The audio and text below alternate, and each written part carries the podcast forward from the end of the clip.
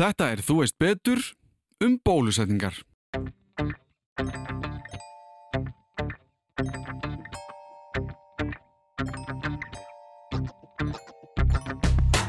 En þetta var sérstætt fyrsti sjúkdómurinn sem við náðum að útrýma með bólusetningu úr heiminum. Sumir tala um það að hlaupabólubóluefnið sé ekki síst til þess að koma í veg fyrir þetta. Það hefur engin smitsjúkdómur horfið úr heiminum nema með bólusetningu. Í þætti dagsins myndu sumir segja að við séum að tala um mál málana. Er orðið bólusetning hugsanlega orð ársins? Hvað sem því líður þá verðast það að vera millir tannan á fólki sem er kannski undarlegt þar sem að það hafa farið fram allskins bólusetningar hér á landi í mjög langan tíma. Mislingar, hlaupabóla, lömunaveiki, allt eru þetta sjúkdómar sem voru hérna einu sinni algengir en hafa nánst þurkast út á heimsvísu með nokkrum undantekningum. Ég hef oft haft það fyrir reglu að áður en ég mynda mér skoðun á einhverju þá er líklegast best að kynna sér málið sem eru auðvitað markmið þessara þáttar yfir höfuð en ákanski betur við hér en áður. Hver er saga bólusetninga? Hvernig virka þær nákvæmlega og svo auðvitað þó að við reynum að halda okkur við bólusetningar almennt hvernig er samband bólusetninga og COVID? Ég fekk til mín Kristjónu Rönn Alfredsdóttur til að segja okkur meira og eins og áður þá byrjum við á kynningu frá viðmælandanum sjálfum. Ég heiti Kristjana Hrönn Ásbjörnsdóttir og ég er lektor í faraldsræði við Háskóla Íslands við miðstöð í líðhelsuvísindum. Ég kem inn í faraldsræðin aðalega út frá því að ég bjó í Malawi þegar ég var bann. Pappi vann hjá þróunarsamfunnustofnun og við byggum þar í þrjú ár þegar ég var frá 8 til 11 ára. Og ég kom út úr því með mjög mikinn áhuga á sagt, aðalega smittsjúkdómum og svona sjúkdómum sem er hægt að fyrirbyggja en sem fólk deyr samt úr. Upphálega ætlaði ég í læknisfræði en svo komst ég að því svona með tímanum að það var hægt að fara í fag sem að snerist um að hugsa svona um stærri hópa, ekki sem sagt einstakling sem er þegar veikur heldur hópa fólki og hvernig við getum komið í vekk fyrir að fólk vektist eða komið í vekk fyrir að fólk degi þegar að við höfum ráð til að koma í vekk fyrir það. Faraldsræðin snýst mikið um sagt, fyrirbyggjandi aðgerðir og ég hef fyrst og fremst verið að starfa í HIVAF þannig að aðalega í smittsjúkdómum töluvert í sagt, hilsu maðra og batna og mikið í því sem heitir sagt, alþjóða hilsa, nattræn hilsa þannig ég er með verkefni í Mosambík og hef vann þegar ég var í doktorsnámi mikið í Kenya og svo er ég núna flutt til Ísland síðan bara í janúar.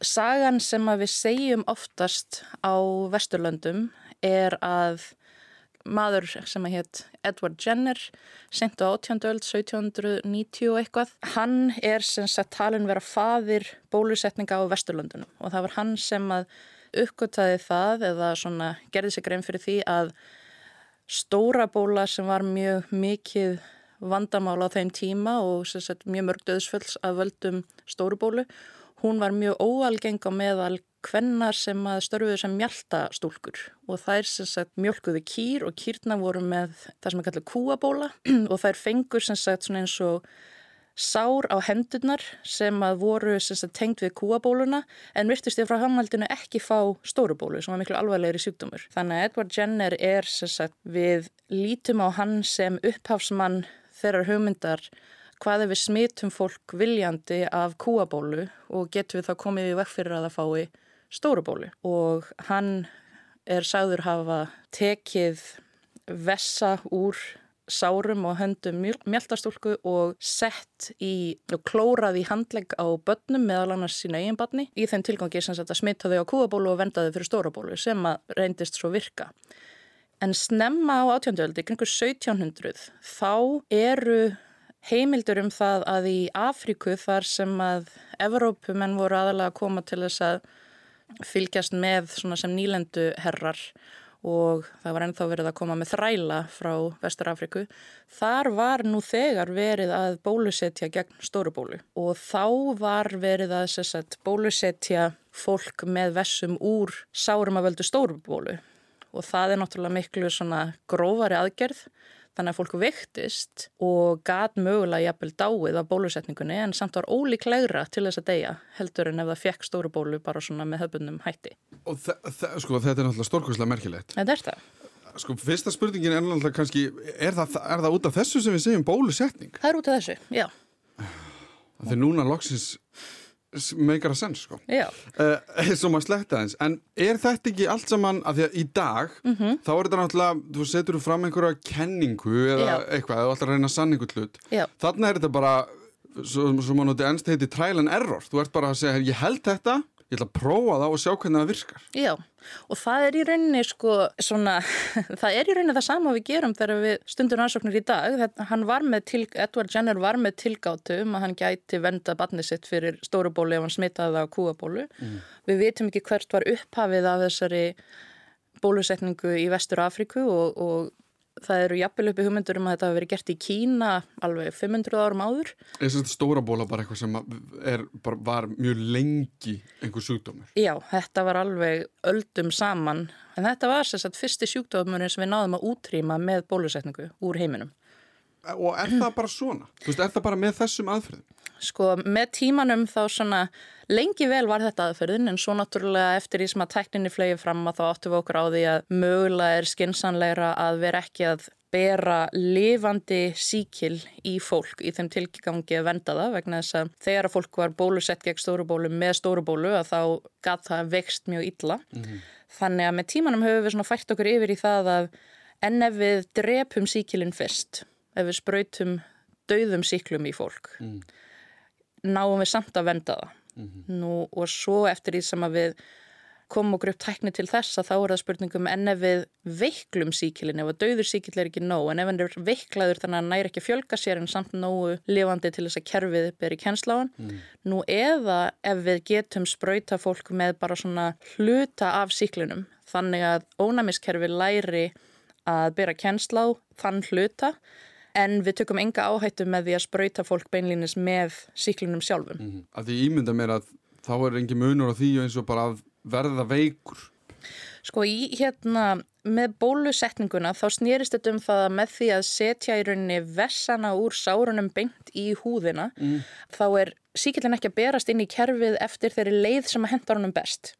Þú bara hann á húðina. Já, þú klórar í húðina og berð síkilinn þar á og þar með í rauninni nær ónæmiskerfið að sjá síkilinn áður en hann berst í sagt, öndunarfæri. setja og kem- kerfið í gang. Já, setur kerfið í gang án þess að síkilinn komi inn þá leið sem að hendar honum best. Já.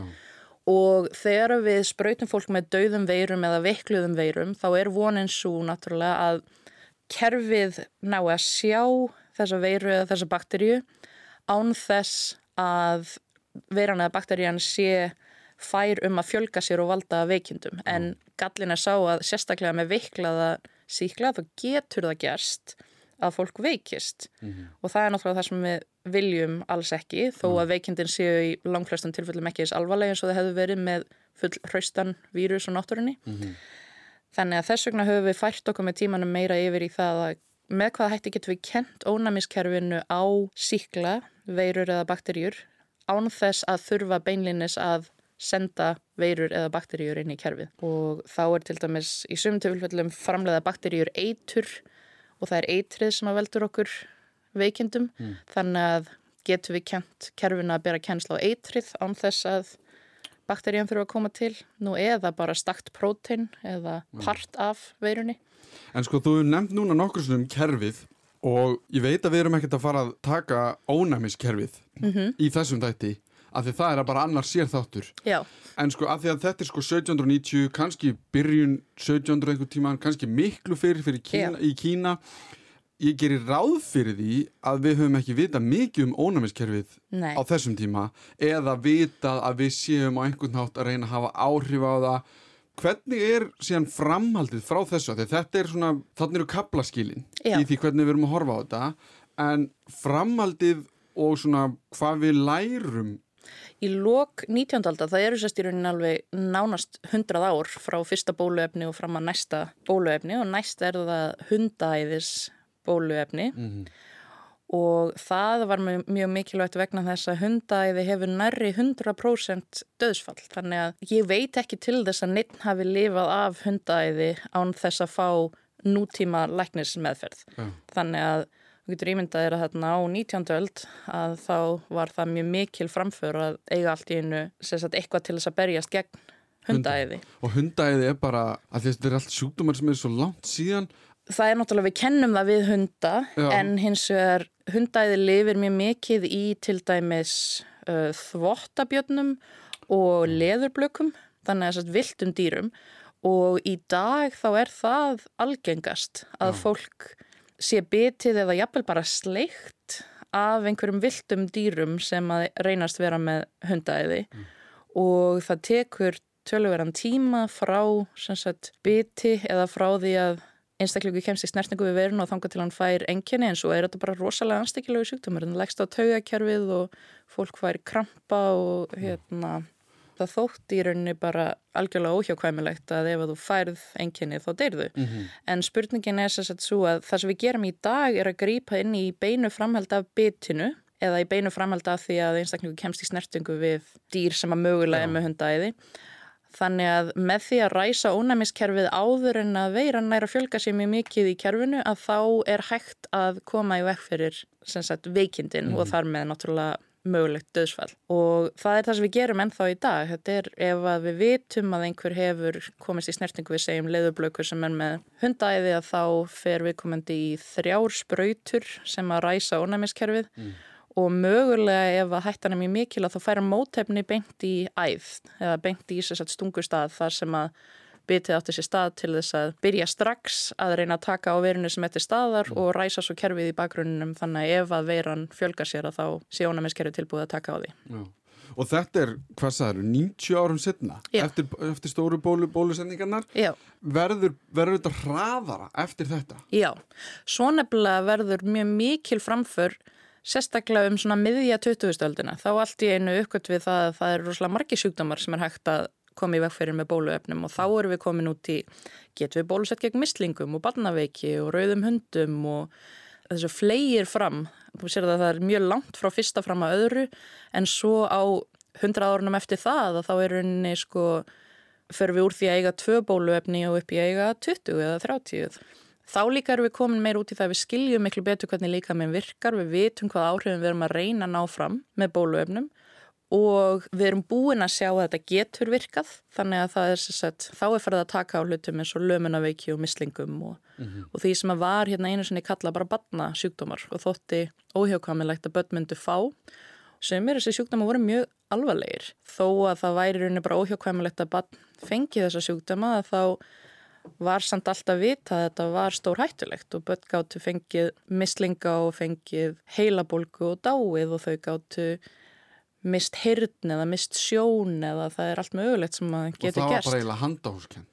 Það var ekkit sem réð því hvernig það fór í raun. Nei, það er nefnilega enn þann dag í dag svolítið, svona, svolítið óþekkt hvernig stendur á því að ónæmiskerfi sumra ná bara góðum tökum á sjúkdómum þegar þeir eiga sér stað og, og aðrir fara miklu verð út úr þeim. Það er, í sumum tilfellum höfum við búið kennsla þætti sem að hjálpa en í öðrum tilfellum er þetta bara algjörlega handahófskent. Þannig að það eru flesta fjölskyldur á Íslandi sem að mistu börn úr mislingum til dæmis snemma á 20. öld og það er bara, það var bara eitt Það af því sem að gerðist. þannig. Það var bara þannig, sko. Og þessar bólusendingar sem við þekkjum í dag sem bara fullkomlega eðlilegar. Veist, þetta er bara fólk eignast börn Mhm. og þau séðan fara bara í þessar bólusendingar er það ekki, það pælir enginn í því. nei, Af því að við viljum ekki fara aftur til þessa tíma. akkurat. Sko, ég gerir ráð fyrir að þarna séum við komin út í þetta sem þú varst að tala um með er hann haldrandi, er hann dáin, síkillin og allt þetta. Er, er einhver ein regla sem gildir yfir öll þessi eða eru þau öll mismunandi í aðferðunum sem þau nota? Þau eru öll svolítið mismunandi. Það er ímislegt til í þessu, sko, og hérna, öll þessi, sem við kallum barnasjúkdóma bólusetningar, þetta er allt saman eitthvað sem er náttúrulega prófað alveg í, í mörgum miljónum barna. Vegna þess að þetta eru bólusetningar sem hafa verið svo lengi til staðar. En með því að hafa verið að nota þessar bólusetningar í öll þessi ára þá líka höfum við meiri upplýsingar og við vitum hvernig ný bóluefni þurfa að virka til þess að þau gerir gagn. Og þar alveg þegar við þróum ný bóluefni í dag þá þurfum við ekki jafnlangan tíma og sagt, jafn stórar tilraunir vegna þess að við getum komið auga á það hvort að bóluefnið virkar eins og það á að gera. Það er ennþá að bætast við, til dæmis á Íslandi var tiltölulega nýlega tekin inn bólusetningi að hlaupabólu.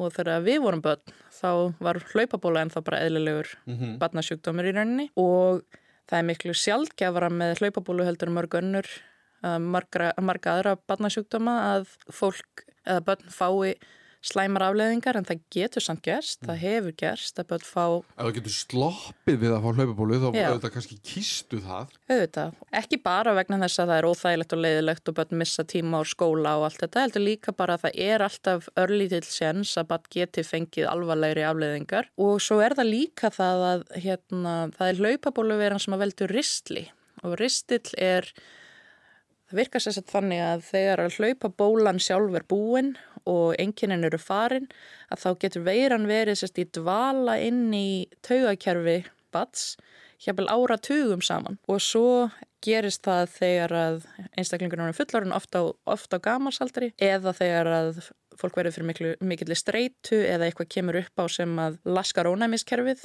að þá getur það fengið sagt, endur vakin hlaupabólu vírus sem að veldur þá útbrótum og sársöka og hérna, getur komið fram aðalega búk en stundum í andliti. Mm. Sumir tala um það að hlaupabólubóluefnið sé ekki síst til þess að koma í veg fyrir þetta vegna þess að þetta er mjög anstíkileg ynginni sem að geta komið fram. Og sérstaklega ef þau koma kannski 50 árum eftir að þú fær hlaupabólu þá veist ekki hvað í fjáranum er í gangi. Akkurat. Og emmitt. En sko, af því að þú talar um þegar við erum að gera þessi bóluefni. Já Erum við þá meira komin inn á rannsónastofu? Það sem við erum að byrja, sko, að því að auðvitað fleiti tækninni fram. Já, Þannig að auðvitað verða leiðir okkar til að sjá vírusa eða veirur eða allt þetta betri. Við getum fylst með þeim í einhverjus konar mikroumhverfi. Er það þá þetta sem við erum, er það, er það þessi stökk líka, veist, sem fleit okkur áfram í því að finna þessi bólefni að því að við getum fylst með veirunni nánast í rauntíma að gera það sem hún er að reyna að gera. Já, já, það er náttúrulega þegar við erum komin í það að geta skoðað veirur í þrývít og í nógu miklum smáatriðum til þess að til dæmis þegar við vitum nákvæmlega hvaða prótein eru partur af veirunni og þegar við getum séð þessi prótein og áttað okkur á því hvernig þau eru í læginu til dæmis. Það er þannig sem við getum komið auga á prótein sem eru líklega til að vera góðir ónæmisvakar. Vegna þess að ef að ónæmiskerfið hefur einu sinni séð prótein sem er mjög sérstætt í læginu til dæmis og fylgir þessari tilteknu veiru, ef við getum kent ónæmiskerfinu að þetta prótein sé hættulegt og þurfa að reynsa út, að þá næst þegar ónæmiskerfið kemst í snertingu við þetta prótein, þá er það mögulega á yfirborði veiru og þá bregst ónæmiskerfi við vegna þess að bóluefnið búið að kenna því að þekkja próteinið. Mm. Þannig að í dag snýst þróun bóluefna um þetta að þess að rannsaka veiruna, komast að því hvaða er við hana sem er sérstakt og alltaf til staðar af því að veirur stökkbreytast og það er það getur verið mismunandi típur á sömu veirunni þannig að þegar við erum að reyna að finna hvaða ónæmisvaki er hendugur í bóluefni þá gerum við það með því að rannsaka veiruna í miklum smáatröðum og komast að því þetta prótein breytis lítið og er eitthvað sem að enginnir þessa veiru umfram aðrar þannig að ef við getum kent ónæmiskerfuna á akkurat þetta prótein þá er það viðbúið mm. næst þegar eitthvað gerist og svo Þegar við erum búin að þessu þá þurfum við að finna leið til þess að framleiða þetta prótein og passa upp á það að það líti eins út í þrývitt þegar að próteinið er stakt eins og það gerir á veirunni mm. til þess að ónæmiskerfið sé að sjá rétta tegund, þess að rétta útgáfi af þessu próteini og svo, er, svo eru pröfunar snúast en það er þetta örugt, vekur þetta ónæmiskerfið og býr ónæmiskerfið til mótefni og lærir það að þekkja þetta prótein og ef svo er þá erum við komið með nýja, nýtt bólöfni. Og í rauninni snýst þetta um það í grunninn að við höfum vitað mjög lengi að fólk sem að lifiði einu sinna af stórubólu það fekk hann ekki aftur. Það er í rauninni grundvallar atriði sko. Mm. Að það er þetta sagt, að ef að þú fegst stórubólu þó þú erið mikið veikur þó að þetta væri anstíkilega lífsænsla ef þú lifiður hann af þá varst í rauninni komin með vend ævilánt. Mm -hmm. Þannig að hugmyndi var sérst svo hvernig getum við venda börn án þess að þau þurfa að verða svona mikið veik og án þess að þau þurfi að taka áhættun á því að deyja úr þessum sjúkdómi en samt fá þessa ævilöngu vend. Mm -hmm. Og um þetta snúast bólusetningar ennþá mm. að við, við vitum að lang flestir sem að fá barnasjúkdóma lifa þá af og eru þá vendaðir alla æfi en þjáningin og döðsfellin sem er hægt að koma í veg fyrir með því að bólusetja er eiginlega ó, ómælanleg. Þetta eru svo óbáslega mörg tilfelli. Þannig að við erum búin að útrýma stóru bólu, hún er ekki lengur til að smittast á melli manna. Mm. Við erum svo nálægt í að útrýma lömunaveiki. Það er ekki langt síðan að lömunaveiki var sjúkdómur sem að fólk þurfti að hafa áhyggjur af út um allan heim en með bólusetningum erum við búin að fækka tilfellunum um meira en 99,9% og lögmennaveiki er ekki lengur landlæg í nema tveimur löndum í heiminum, Afganistan og Pakistan. Það eru einu löndin. Þanga til nýlega þá var ennþá til staðar einhver lögmennaveiki í Nýgerju en nú hefur Nýgerja verið lögmennaveikið laus nógu lengi til við segjum að þau séu líka búin að útrýma lögmennaveiki með bólusetningum. Mm og það hefur engin smitsjúkdómur horfið úr heiminum nema með bólusetningu.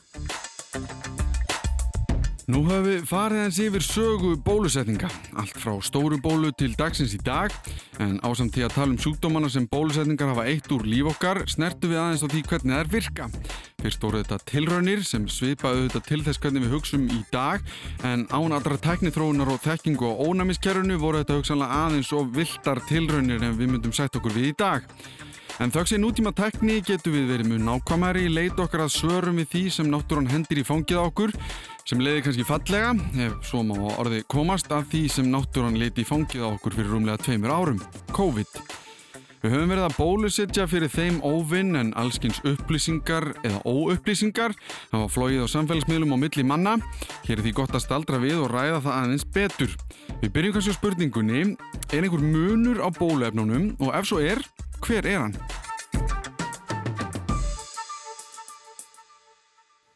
Það er einfaldast að útskjara Janssen. Janssen er þá bóluefni sem er með veiru sem er ekki hættuleg okkur.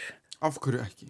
Sumar veirur eru bara þannig að þær valda ekki miklum enginum. Þær eru hendugar sem svona, hvað ég voru að segja, það er bara svona, það eru svona burðarkassi mm -hmm. til þess að senda ónæmisvakan sem við viljum kenna kerfinu á inn. Þannig að við tökum sérst það sem heitir adenoveira og við hengjum á hana þetta, þetta brottprótin sem að hefur verið valið sem hendur ónæmisvæki fyrir COVID. Þannig að Janssen er bara að þýleitinu til óskup vennilegt bóluefni vegna þess að það sendir sko tilbúið prótin inn í líkamann.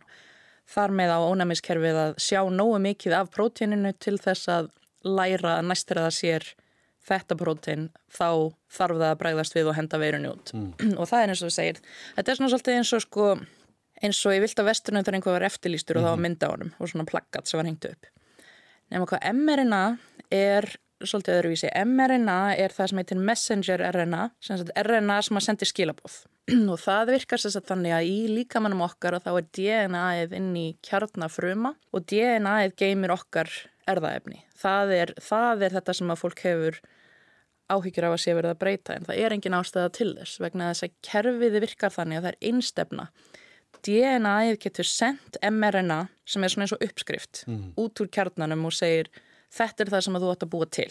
Og er þá það sem er að gera þegar við erum að verða til í móðukvið eða hvað? Sko það er náttúrulega, já það er mjög Einföldun kannski?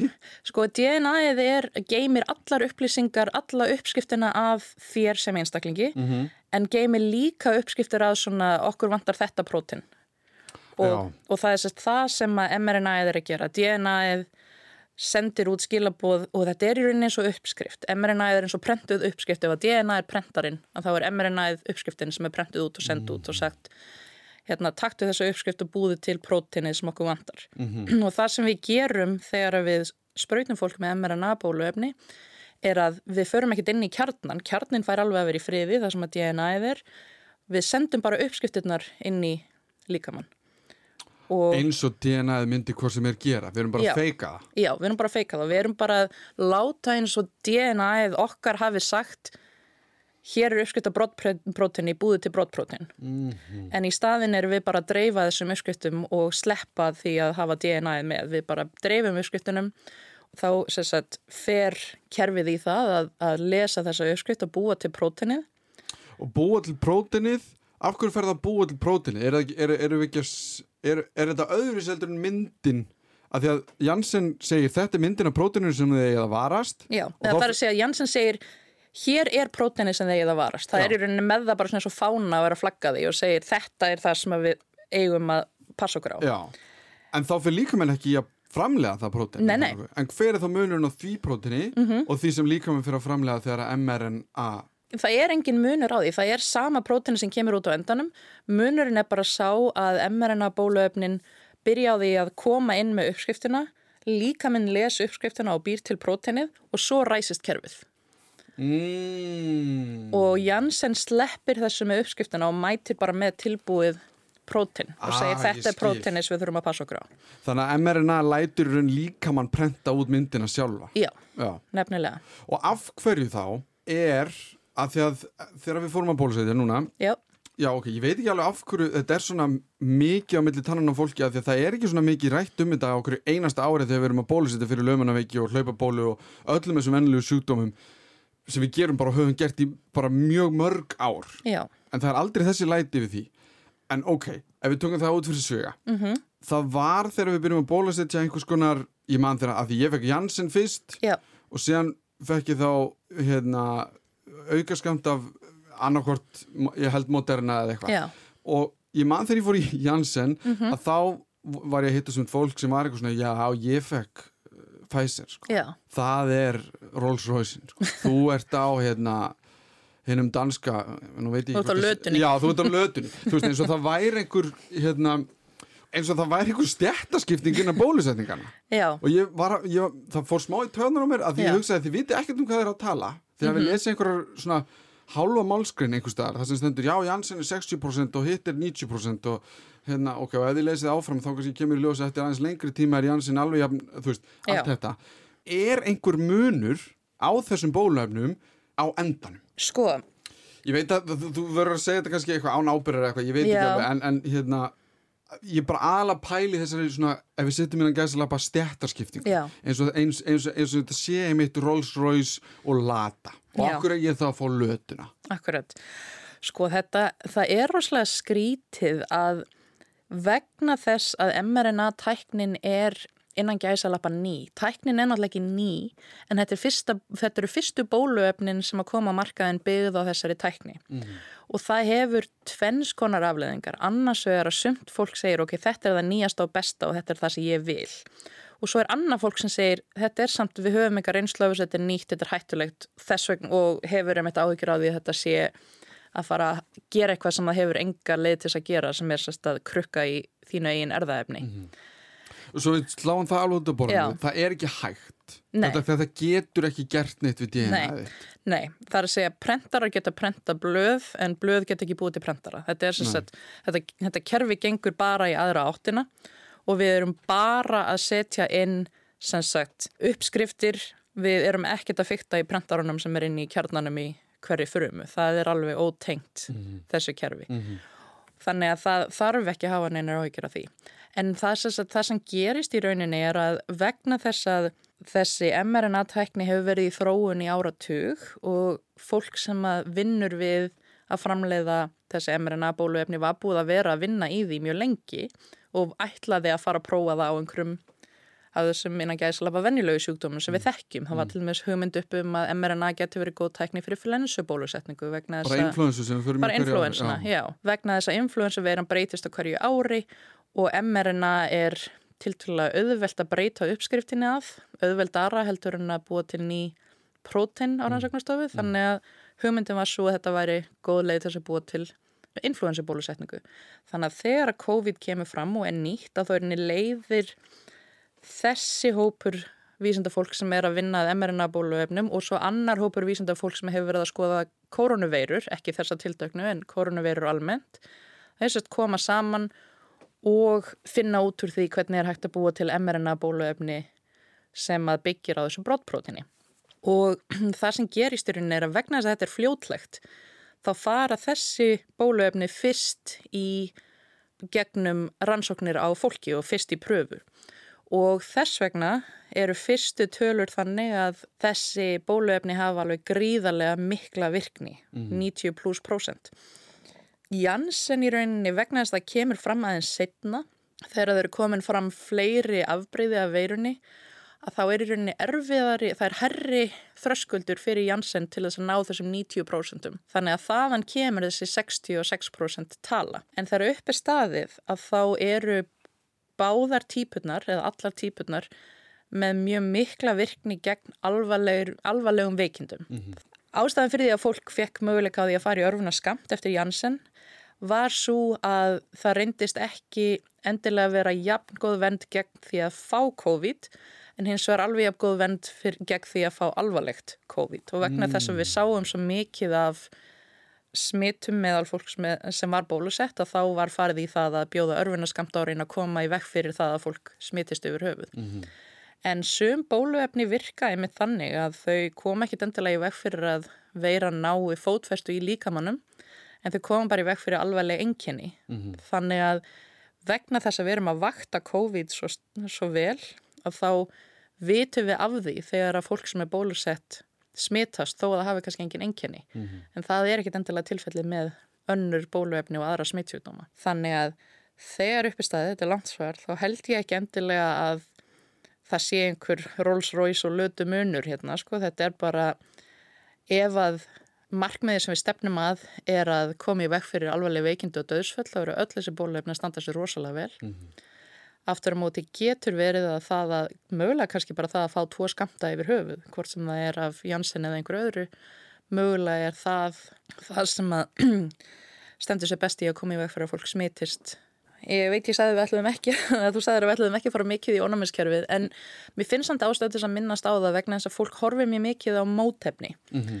Að mótefnin komi í framhaldi af bólusetningu og svo mingið þau með tímanum en það er samt annar partur af ónæmiskerfinu sem að er miklu erfiðar að mæla og við erum ekki að mæla svona bara af því bara og það eru minnisfrumur og minnisfrumur þær eru mögulega alveg með það á hreinu hvernig próteinlega lítur út en það ræsast ekki fyrir en að það kemur aftur þannig að mm. þessi mótefni eru sérstaklega það sem að B-frumurnar sem eru Sum hvít blóðkvöldinu heita B-frumur og B-frumurna spýta út mótefnum gegn brottprótíninu og þær sagt, halda því áfram í einhver tíma og það eru mótefnin sem við sjáum ef við förum í blóðpröfu til þess að gákvort að bólusetningin hafi gagnast. Mm -hmm. En svo eru frumur, bæði B-frumur og T-frumur sem eru sett hintegundin af hvítum blóðkvöldnum mm. sem eru búin að leggja þetta á minnið og eru bara í byðstöðu. Þannig að ef að einhver tíman próteini byrtist aftur, hvort sem það er með örfinaskamti eða vegna þess að þú smitast, að þá fer það kerfi í gang vegna þess að það manið alveg, það er bara ekkert að gera málur því nema það sé ástæða til. Mm. Og það sko, af því að við erum að, við erum að nefna ónæmiskerfi, sem að, þú veist, við getum ekki hlaupið frá því að allavega tala eitthvað um það. Ég, tó, ég gerði eitt þátt um krabba minn. Já. Þá vorum við að tala um þessar mismöndi aðferðir sem við erum að nota til þess að eiga við krabba minn og sko, við tölum um að í sumum tilvíkum þá ertu bara að prófa þig áfram af því að ónæmiskerfi er svo mikið þú veist, jú við vitum eitthvað en það er líka fullt sem við vitum ekki og við erum að eiga við kerfi sem að við, þú veist þetta er ekki eins og bíl, ég ætla að beigja til að hægra þá bara snýi stýrinu mm -hmm. og uh, hann nefndi að við vorum að stundum þá prófar eitt og sérðu, ok, virkar þetta eða ekki mm -hmm. og það geta verið nákvæm vísindi ef við þekkjum krabbamenni sem við erum að eiga við en það geta líka verið ónákvæm vísindi ef að það er hérna orðið eitthvað að öðru eða þetta er bara, það er fullt af breytum inn í þessu mm -hmm. En það sem ég ímynda mér með bólefni Já. að það séu ekki lengur eitthvað sérstaklega ónákvæm vísindi. Er það nokkuð? Jafnvel þó við þekkjum ónámiðskerfið ekkert brjálæðislega við, við vitum ekki allt um það ekki frekar en heilan í okkur. En við vitum samt hvað við erum að senda þetta inn og hvað það eigi að gera að því að við erum búin að prófa þetta einhver staðar. Já, ég held að mig alveg segja það. Í við... öllum tilvikum. Já, Já, ég held að mig alveg segja það. Við vitum við vitum hvernig það lítur út að það sé mótöfnarsvar sem þýðir þá að líkaminn er búin að læra á þetta tiltekna prótein sem hann þarf að passa sig á og við vitum hvernig það lítur út að það sé til staðar ónæmis minni fyrir ákveðnum veirum eða ákveðnum bakterjum. Mm -hmm. Þannig að já, já, við vitum að hverju við erum að leita þó að sé ímislegt sem við erum ennþá að læra þá samt svona, þá vitum við svona í grundvallar aðtröðum hvernig það lítur út þegar að bólusetning hefnast og hvernig það lítur út þegar hún hefnast ekki.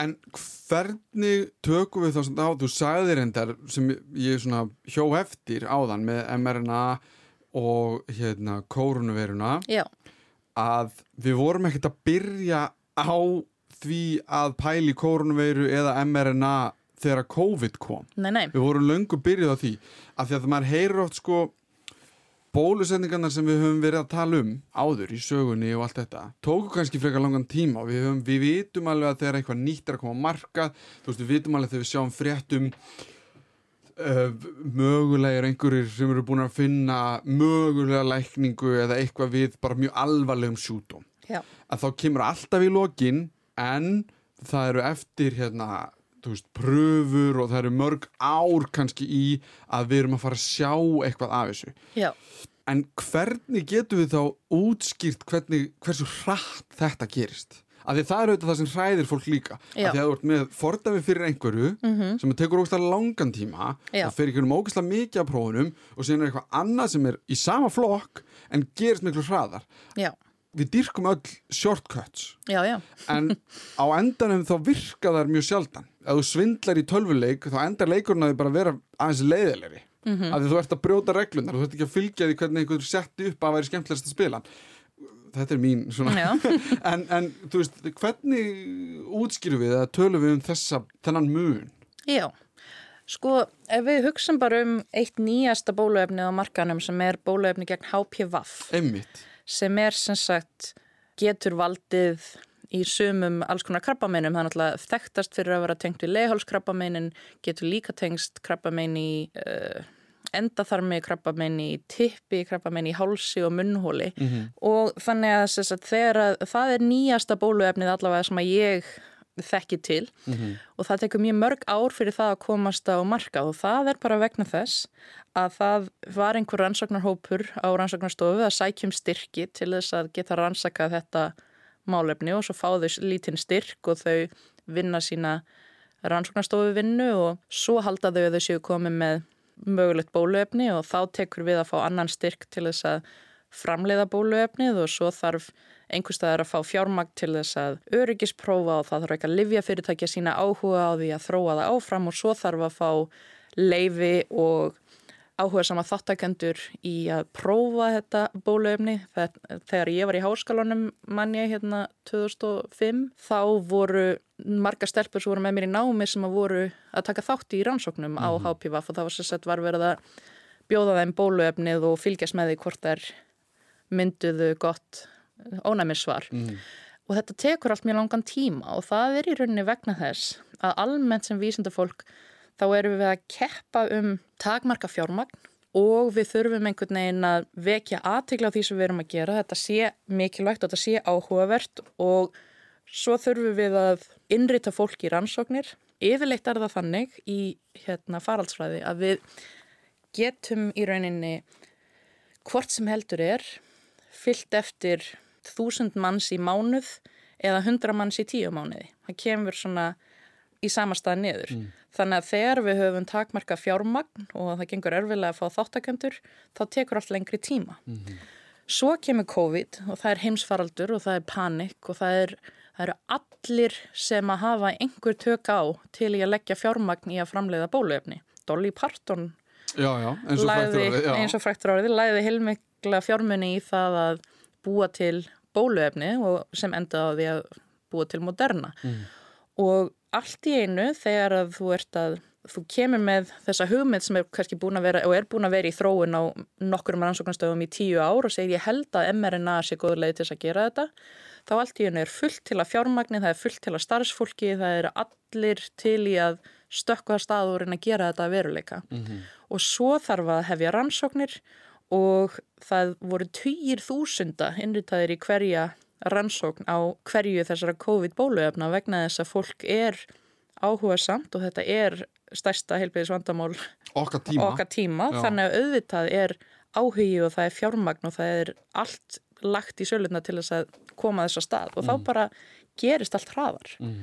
og svo er það náttúrulega þarf alltaf að fara í gegnum uh, framleiðsluferli, það er oft erfitt að fá livjafyrirtæki til þess að snúa sér að því að framleiða bóluefni vegna þess að það er lítill gróði í þeim vegna þess að bóluefni er eitthvað sem einstaklingu fær einu sinni, kannski tvísar þrísar og þar með er hann laus allra mála alla sína æfi. Fyrir livjafyrirtæki eru þetta miklu meira gróði í því að framleiða liv sem að einstaklingur er settur á um 30-40 og er á alla sína æfi. Mm -hmm. Þannig að bóluefni er ekkit endilega vinsælt viðfangsefni fyrir livjafyrirtæki.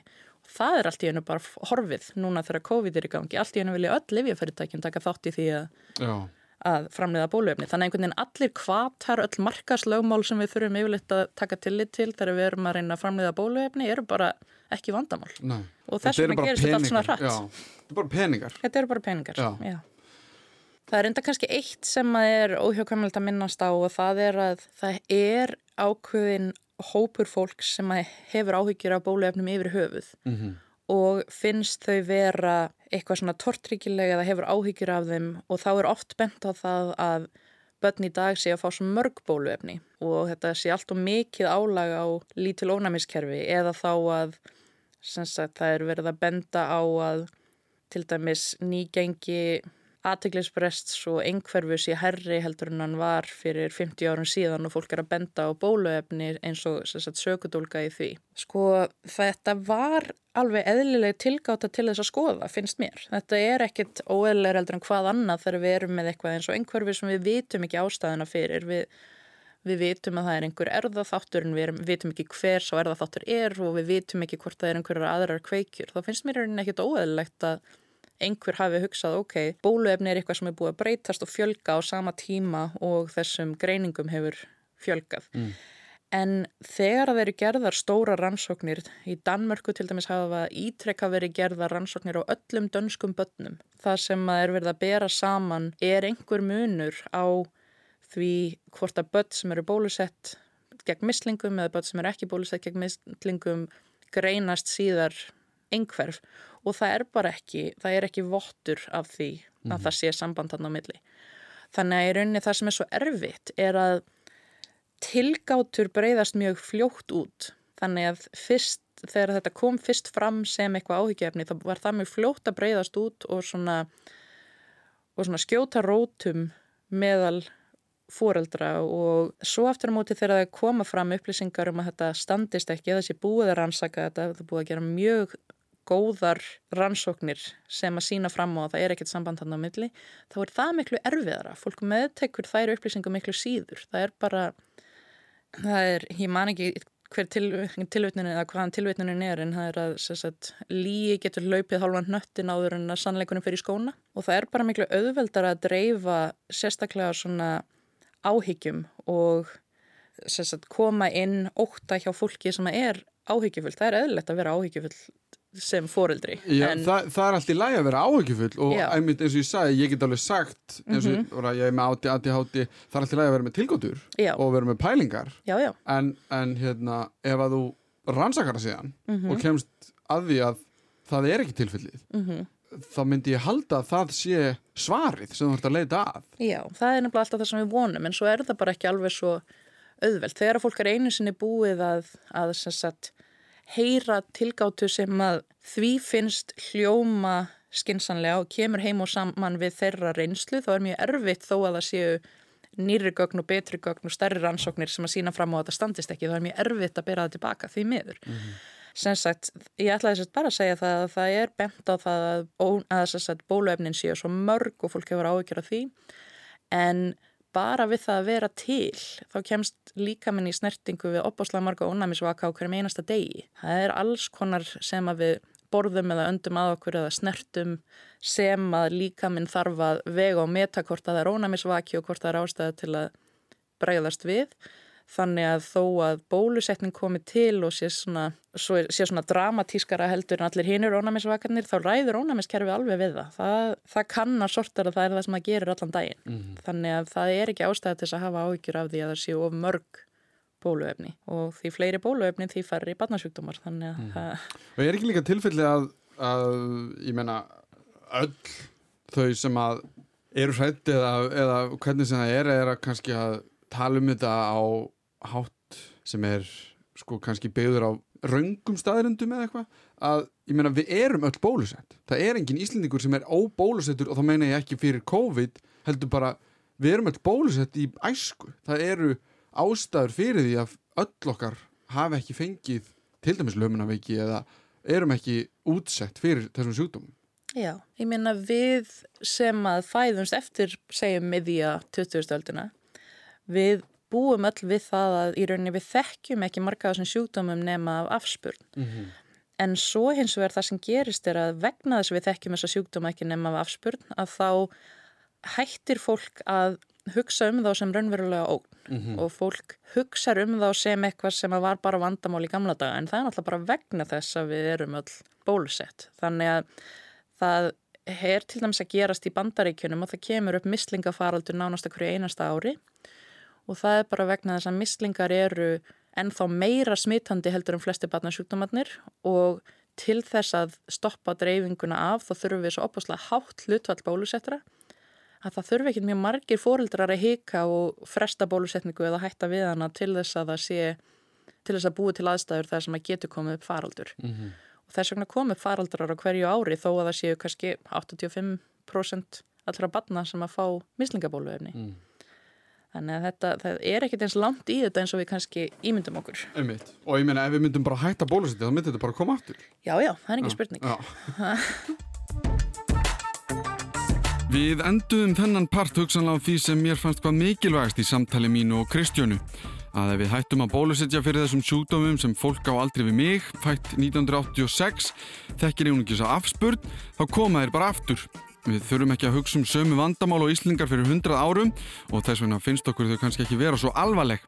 Ég vona að flestum sörum varandi COVID og bólusetningar hafi verið svarað því ætlum að enda á því að ræða þessum framtíð bólusetninga og eina spurningu sem brann á mér sem er hvort við getum leist alla sjúkdóma með bólusetningu.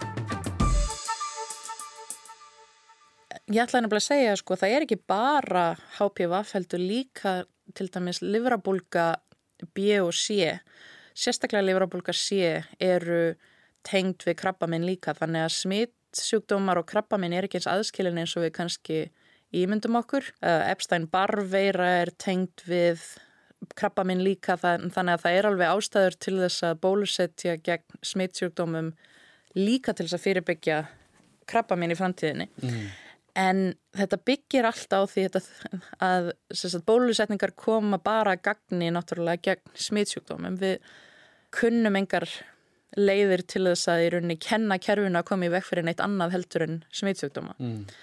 Þannig að vonin eru þetta svo að framfærarna sem hafa orðið út af COVID, út af öllu þessu auk, aukna fjármagni og áhuga og samtakamætti vísundarsamfélagsins. Sem er pínu, þú veist, eins og ef maður talar við ég talaði einhvern veginn um flugvilar og, og ef talaði um fleiri hluti að þá er oft sko, og þetta er leðileg samanbörður sko, en mm. setni heimstyröldin mm -hmm. gerði það verkum að það fóru svo mörg lönd í svo rosalega á svo miklum krafti í að þróa og bæta og gera að það kom rosalega mikið út úr setni heimstyröldinni sem að það komur svo mikið að stökkum Akkurat. Er það svipað núna eins og í þessu? Já, ég held að mig alveg segja það og Nú eru framleiðendum Moderna til dæmis að tala um að þeir halda að þeir geti búið til bóluefni næst sem að er bæði influensu og örfunaskamtu fyrir COVID mm. og þá mögulega verða framtíðar influensubóluefni mRNA byggð og þá er spurning hvort að það opnar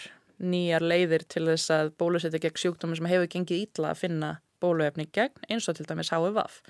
Það er náttúrulega búið að vera að reyna að búa til bóluefni gegn HVF í 30 ár. Af hverju gengur það ekki? Það er vegna þess að HVF leggst á ónæmiskerfi sjálft. Það er að við þurfum einhvern veginn að reyna að kenna ónæmiskerfinu að taka á veiru sem að ræðist beint á ónæmiskerfið. Yfirleitt eru veirur að leggjast á aðra vefi líkamanns og þá getur ónæmiskerfi komið bara svona eins og svona uh, hjálparsveit á staðin.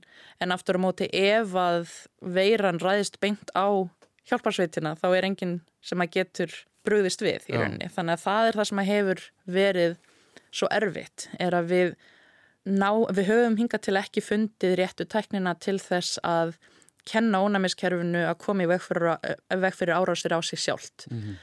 En vonin er náttúrulega svo að allar þess að framfæri verði til þess að við getum núna tekist á við til dæmis HVF og það væri náttúrulega mjög mikil framfjör mm. og sérstaklega mín vinna er mikið í Afrikusunna Sahara, í, á Vesturlöndum, eða sérst í Evrópu, Bandaríkunum, sumstaðar í Asíu og Söður Ameríku þá er í rauninni HVF í dag orðið það sem myndir segja þessi króniskur sjúkdómur en með réttri livjameðferð þá er hægt að halda honum niðri allæfi. Mm -hmm. Þú þarft ekki að smita neitt af HIV þó þú lifið með því allæfi. Okay. En í þróunarlöndunum þá er aðgengi að meðferð lélæra, það er erfiðari aðstæður, það eru erfiðari eða lélæri helbriðistjónusta til að takast á við önnur vandamál sem að fylgja HIV. Færri möguleikar í stöðunni ef það kemur upp að þú þólir ekki tiltekki liv og alveg sérstaklega er ástandi mjög erfitt fyrir börn. Það, það er vantar meira upp á að við komum öllum börnum sem eru með HVF á meðferð heldur en öllum fullornum. Og kosturinn sem að bóluefni hafa er að, sem ég segi, þú fær bóluefni einu sinni kannski tvis og þreysvar og þú ert safe alla æfi. Meðan að HVF, ef fólk smítast að HVF þá er það ævilöng livjameðferð sem tekur við og ævilöng livjameðferð er bara mjög erfið. Sérstaklega ef hún byrjar í badnæsku og þarf að vera alla æfi og sérstaklega eins og í þróunalöndunum þannig að það væri náttúrulega vonin að mm. við mögulega getum með mRNA-tækni eða öðru sem við höfum lært að COVID tekist á við HVF til dæmis mm -hmm. eða búið til betri bóluöfni gegn berglum, það er alls konar möguleikar í stöðinni. En þannig að það er kannski svona ef við tökum mjög neikvæði tvö árið eða hvað sem þetta hefur verið og við saman og reynum að gera jákvæði þá er kannski það sem við lærum í þessu ferli er það sem við getum grætt á í framtíðinni. Akkurat, ég meina samanbörurinn sem komst með um setni heimstyrjöldin er, er rauninni mjög viðægandi sko. það mm. auðvitað hefði hefðu flesti korsið að ekkert að því hefði gerst en fólk lærir óbáslega mikið í krísum og samfélagið lærir óbáslega mikið þegar það er að takast á við stórslis Í því tilfelli var það náttúrulega stríð sem hefði verið hægt að koma í veg fyrir en í þessu tilfelli það er þetta bara eitthvað sem gerðist og við mm. þurftum að takast á við og það er náttúrulega mjög margt neikvægt sem kemur út í því en líka óbúslega margt mikil þekking og mikil framför sem við vonum að nýtist á, á fleiri söðum líka. Við getum kannski ekki útrýmt öllum sjúkdómum með bólusetningu en eins og með HPV þá getum við komið í veg fyrir hluti sem að geta hugsanlega valdið alvarlegri sjúkdómum setna meir eins og krabbameini. Öll þessi þekking sem hefur orðið til vegna COVID getur kannski hjálpað til við allsins hluti sem við áttum okkur ekki á núna en það er kannski alltaf gott að maður getur samt dreyið eitthvað jákvægt út úr mjög neikvæðum hlut. Bólusetningar hafa orðið að hýtamáli á þessum síðustu árum Það má alltaf hafa skoðanir og tilgóttur en við verðum að vera tilbúin að hlusta á sérfræðing og fagfólk sem hefur í mörgum tilvíkum helgað lífsitt einhverju máli þegar það talar. Það myndi ekki lappa um borði í varskipið Þór til að sigla því úr höfn einungis að því að viðkomandi er nýbúin að horfa Titanic og veit hvað það á að forðast. Við verðum að vera tilbúin til að breytum skoðun, læra og hlusta, því annars erum við bara först í okkar einn bergmálshelli og lærum aldrei neitt. Hvað er skemmtilegt við það? Ég þakka Kristjónu Rönn Alfredsdóttur fyrir að fræða okkur. Minni á póstinu mér, allimarat.ruf.is ef þið hafið spurningar eða ábyrningar og þakkum leið fyrir mig. Þetta var Þú veist betur um bólusetningar.